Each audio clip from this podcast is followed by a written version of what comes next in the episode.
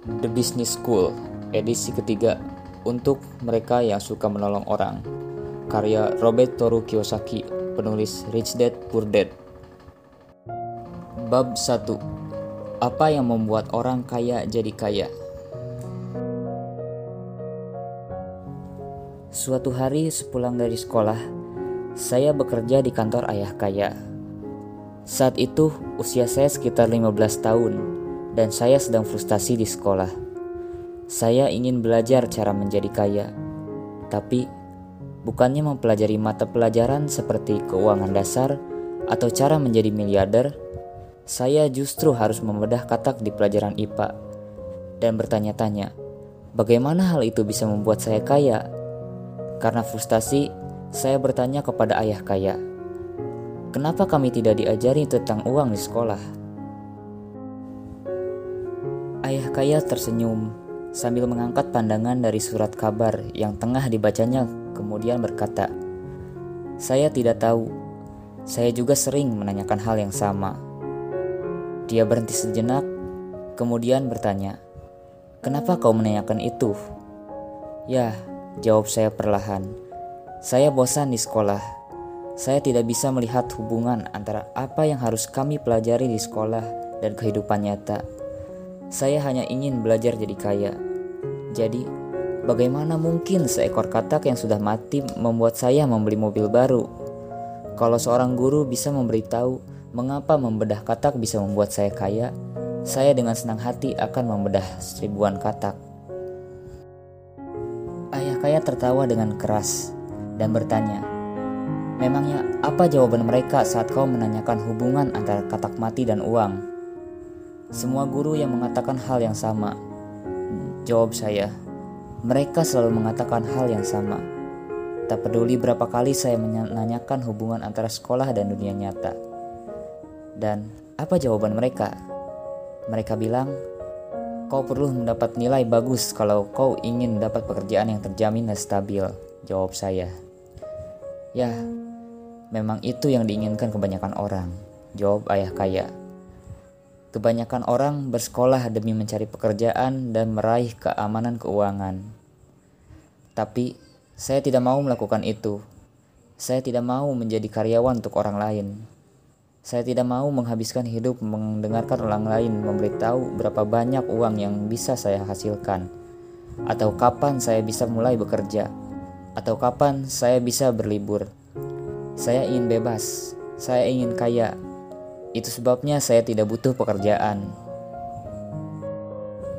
Bagi Anda yang mungkin belum membaca Rich Dad Poor Dad, ayah kaya adalah ayah dari sahabat saya Meskipun dia memulai dari nol dan tidak menyelesaikan pendidikan formal, pada akhirnya dia bisa menjadi salah satu pria terkaya di Hawaii.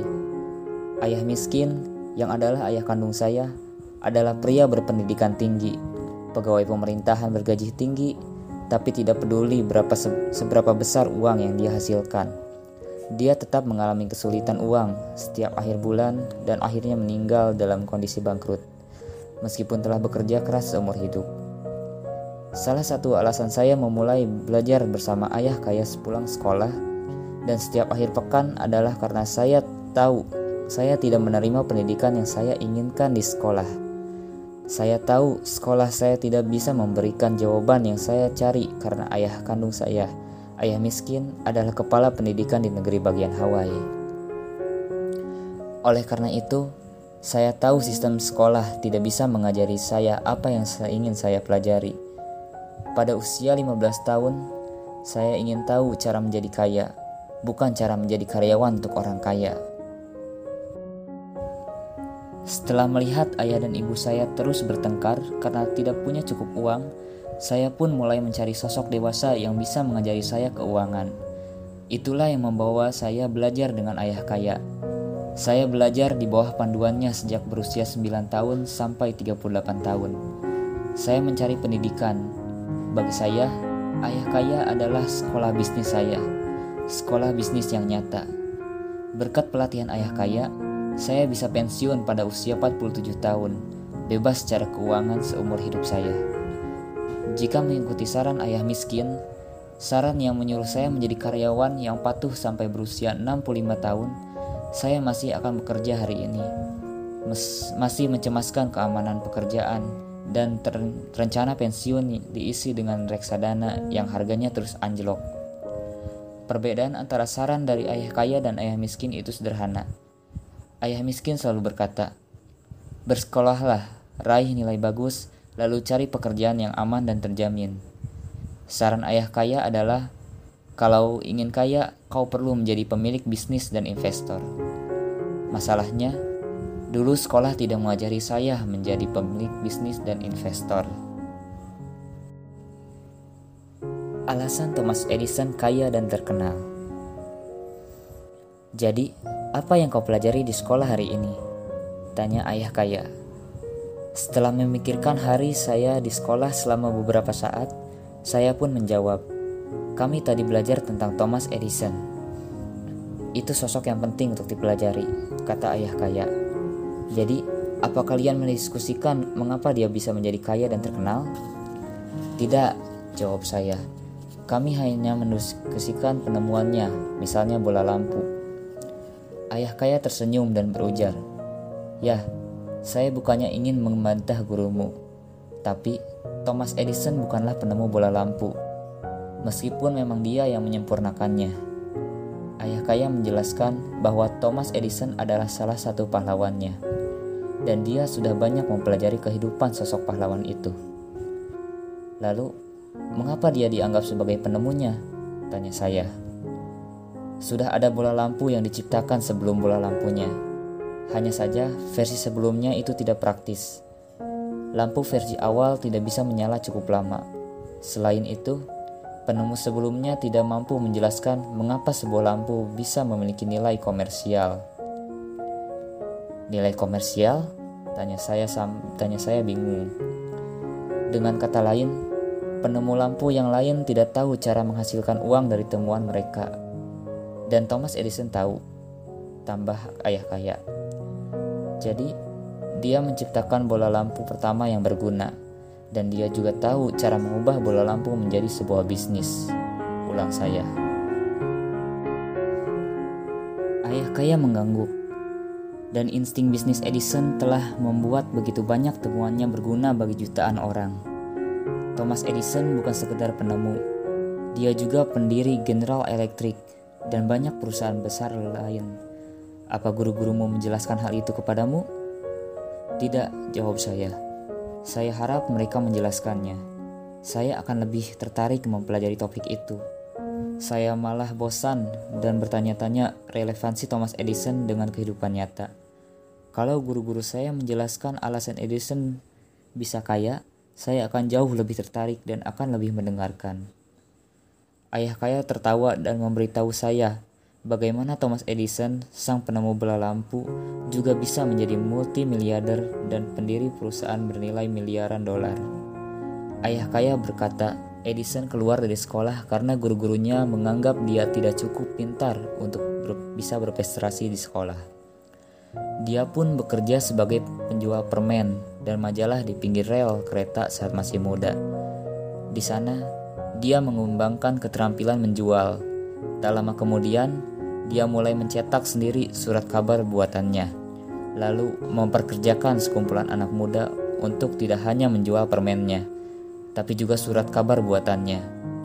Ketika masih muda, dia berubah dari seorang karyawan menjadi pemilik bisnis, memperkerjakan banyak anak muda hanya dalam waktu sekitar satu tahun. Jadi, apakah itu alasan Thomas Edison memulai karir dalam dunia bisnis? Saya bertanya. Ayah kaya mengangguk dan tersenyum. Kenapa guru-guru saya tidak mengajarkan hal itu? Tanya saya lagi. Saya pasti senang belajar tentang cerita tadi. Ada lagi, kata ayah kaya sebelum melanjutkan kisahnya tentang Edison. Edison akhirnya bosan dengan bisnis di kereta dan mulai mempelajari cara mengirim serta menerima kode Morse supaya bisa bekerja sebagai operator telegram. Tak lama, Edison menjadi operator telegram terbaik di daerahnya. Dan dia pun berpergian dari kota ke kota sebagai operator telegram. Pelajaran yang dia dapat ketika bekerja sebagai pengusaha dan operator telegram muda menjadikannya pebisnis yang berkualitas, sekaligus penemu bola lampu. Bagaimana bisa pengalaman sebagai operator telegram menjadikannya pebisnis yang lebih baik? Tanya saya bingung. Apa hubungan cerita ini dengan menjadi kaya? Beri saya waktu untuk menjelaskan, ujar ayah kaya. Kau tahu, Thomas Edison bukan sekedar penemu. Saat masih muda, dia sudah menjadi pemilik bisnis. Itulah alasannya bisa menjadi kaya dan terkenal. Bukannya bersekolah, dia menyerap keterampilan bisnis yang dibutuhkan agar bisa sukses di dunia nyata. Kau bertanya kenapa dia bisa kaya kan? Ya, jawab saya sambil mengangguk dan merasa agak malu karena menyela ayah kaya.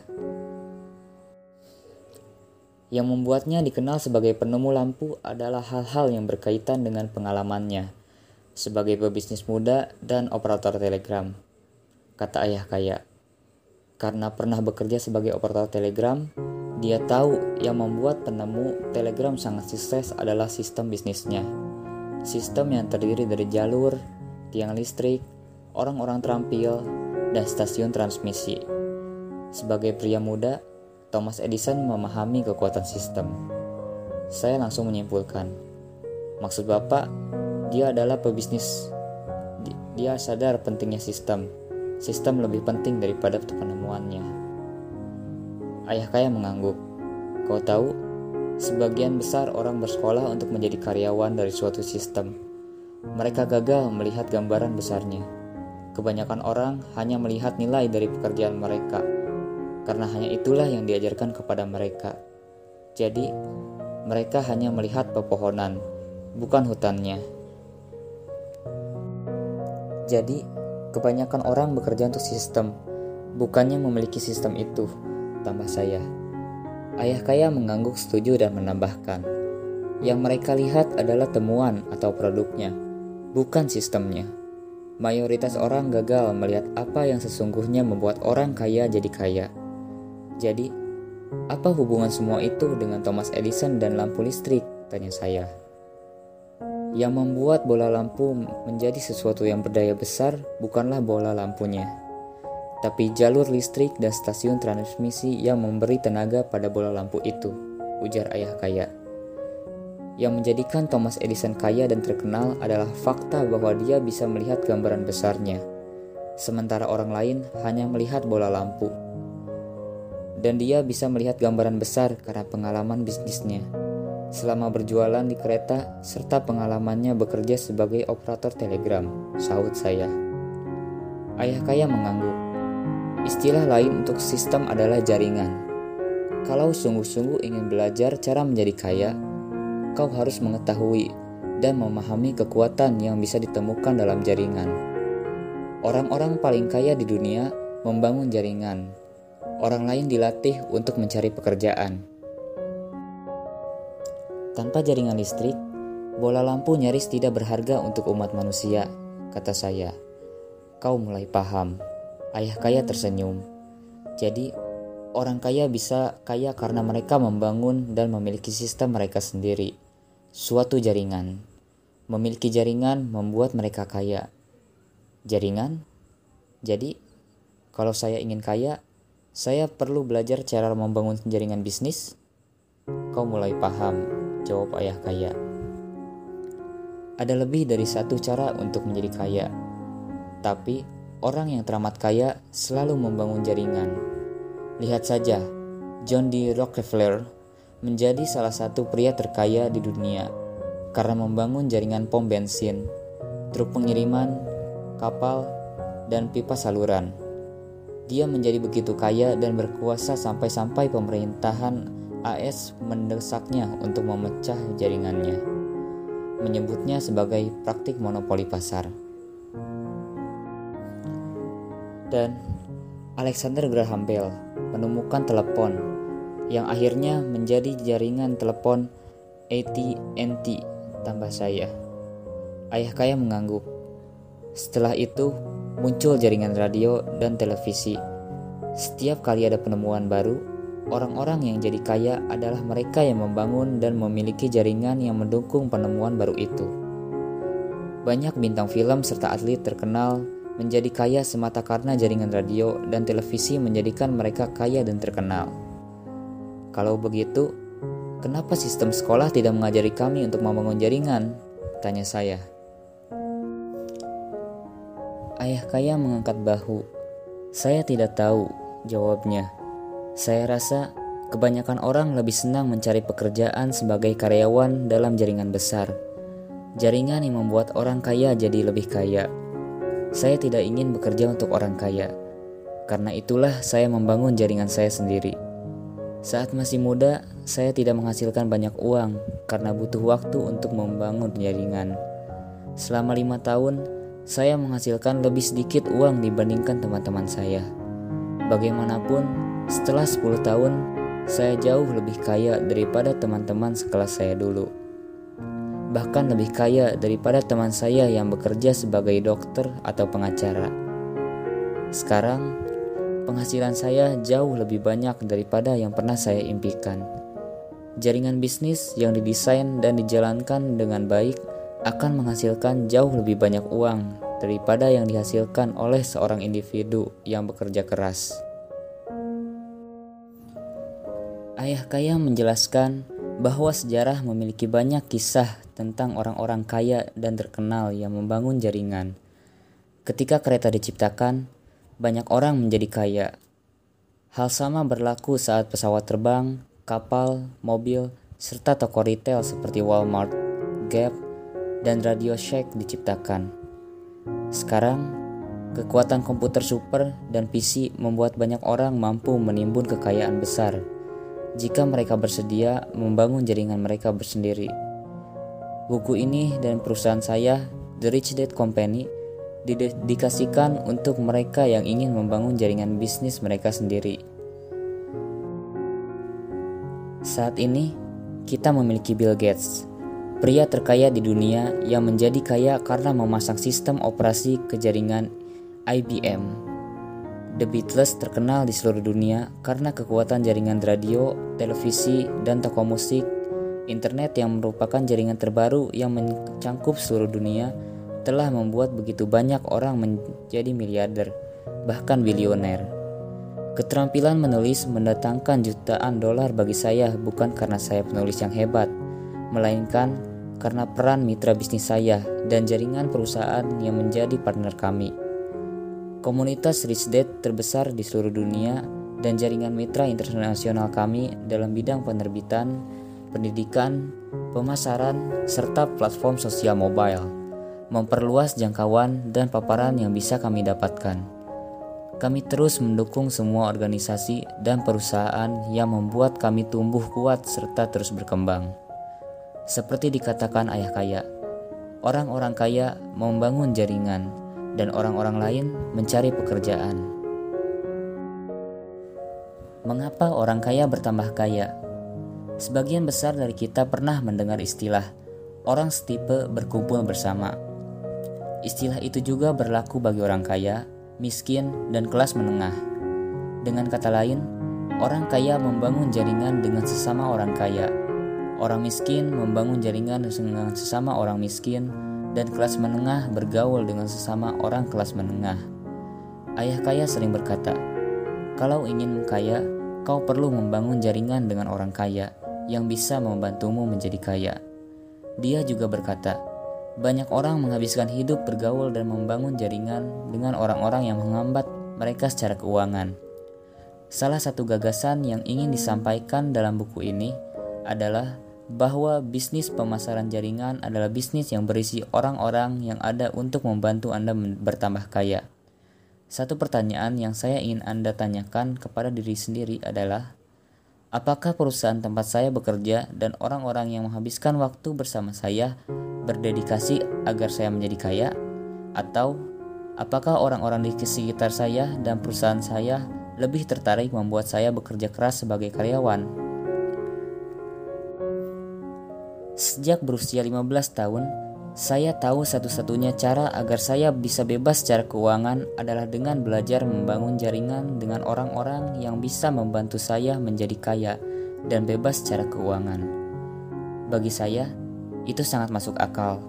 Namun, Bagi banyak teman SMA saya, yang masuk akal adalah mendapat nilai bagus, kemudian mencari pekerjaan yang aman dan terjamin. Pada usia 15 tahun, saya memutuskan bahwa saya akan berteman dengan teman-teman yang tertarik melihat saya menjadi kaya.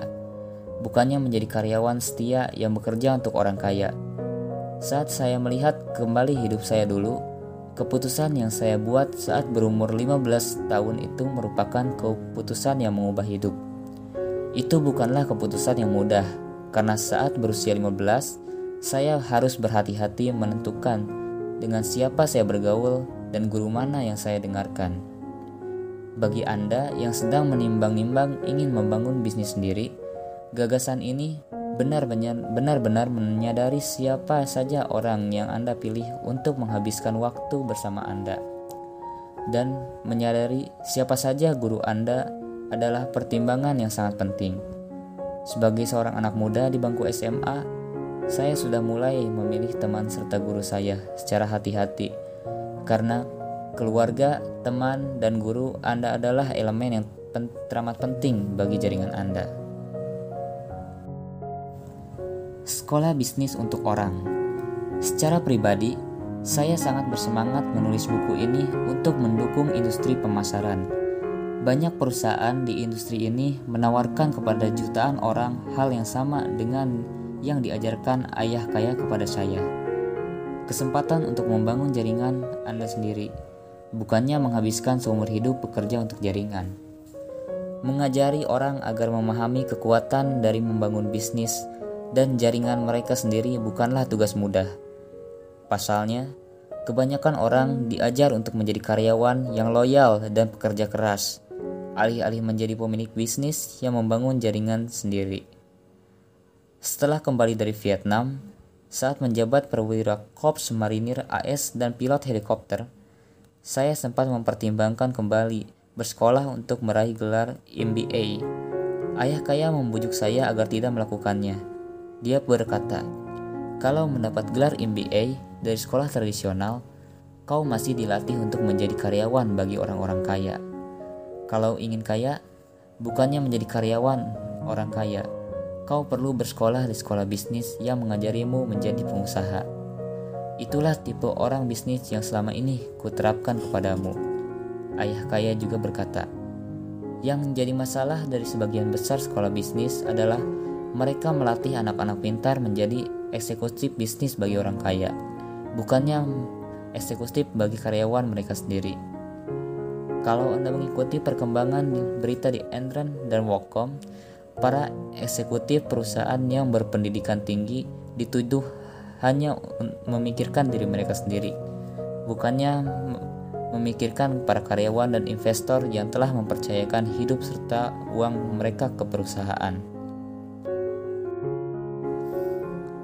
Banyak eksekutif berpendidikan dan bergaji tinggi memberitahu karyawan mereka untuk membeli saham perusahaan lebih banyak, sementara mereka menjual saham milik mereka. Meskipun WorldCom dan Enron adalah kasus-kasus ekstrim, perilaku egois semacam itu terjadi setiap hari, baik di berbagai perusahaan di seluruh dunia maupun di bursa saham. Alasan besar yang membuat saya mendukung industri pemasaran jaringan adalah karena banyak perusahaan dalam industri itu sungguh-sungguh merupakan sekolah bisnis untuk orang-orang. Bukan sekolah bisnis yang melatih anak-anak terpintar menjadi karyawan untuk orang kaya. Banyak perusahaan pemasaran jaringan mengajarkan nilai-nilai yang tidak ditemukan dalam sekolah bisnis tradisional. Seperti nilai yang mengajarkan bahwa cara terbaik untuk menjadi kaya adalah dengan mengajari diri sendiri dan orang lain untuk menjadi pemilik bisnis bukannya mengajari mereka cara menjadi karyawan setia untuk orang-orang kaya. Cara lain untuk menjadi kaya. Banyak orang memperoleh kekayaan besar lewat bisnis pemasaran jaringan. Bahkan, beberapa teman terkaya saya membangun kekayaan lewat bisnis itu. Bagaimanapun, tetap saja ada cara lain untuk mendatangkan banyak uang. Oleh sebab itu, di bab selanjutnya, buku ini akan membahas cara-cara lain untuk menjadi kaya dan yang terpenting mencapai kebebasan keuangan.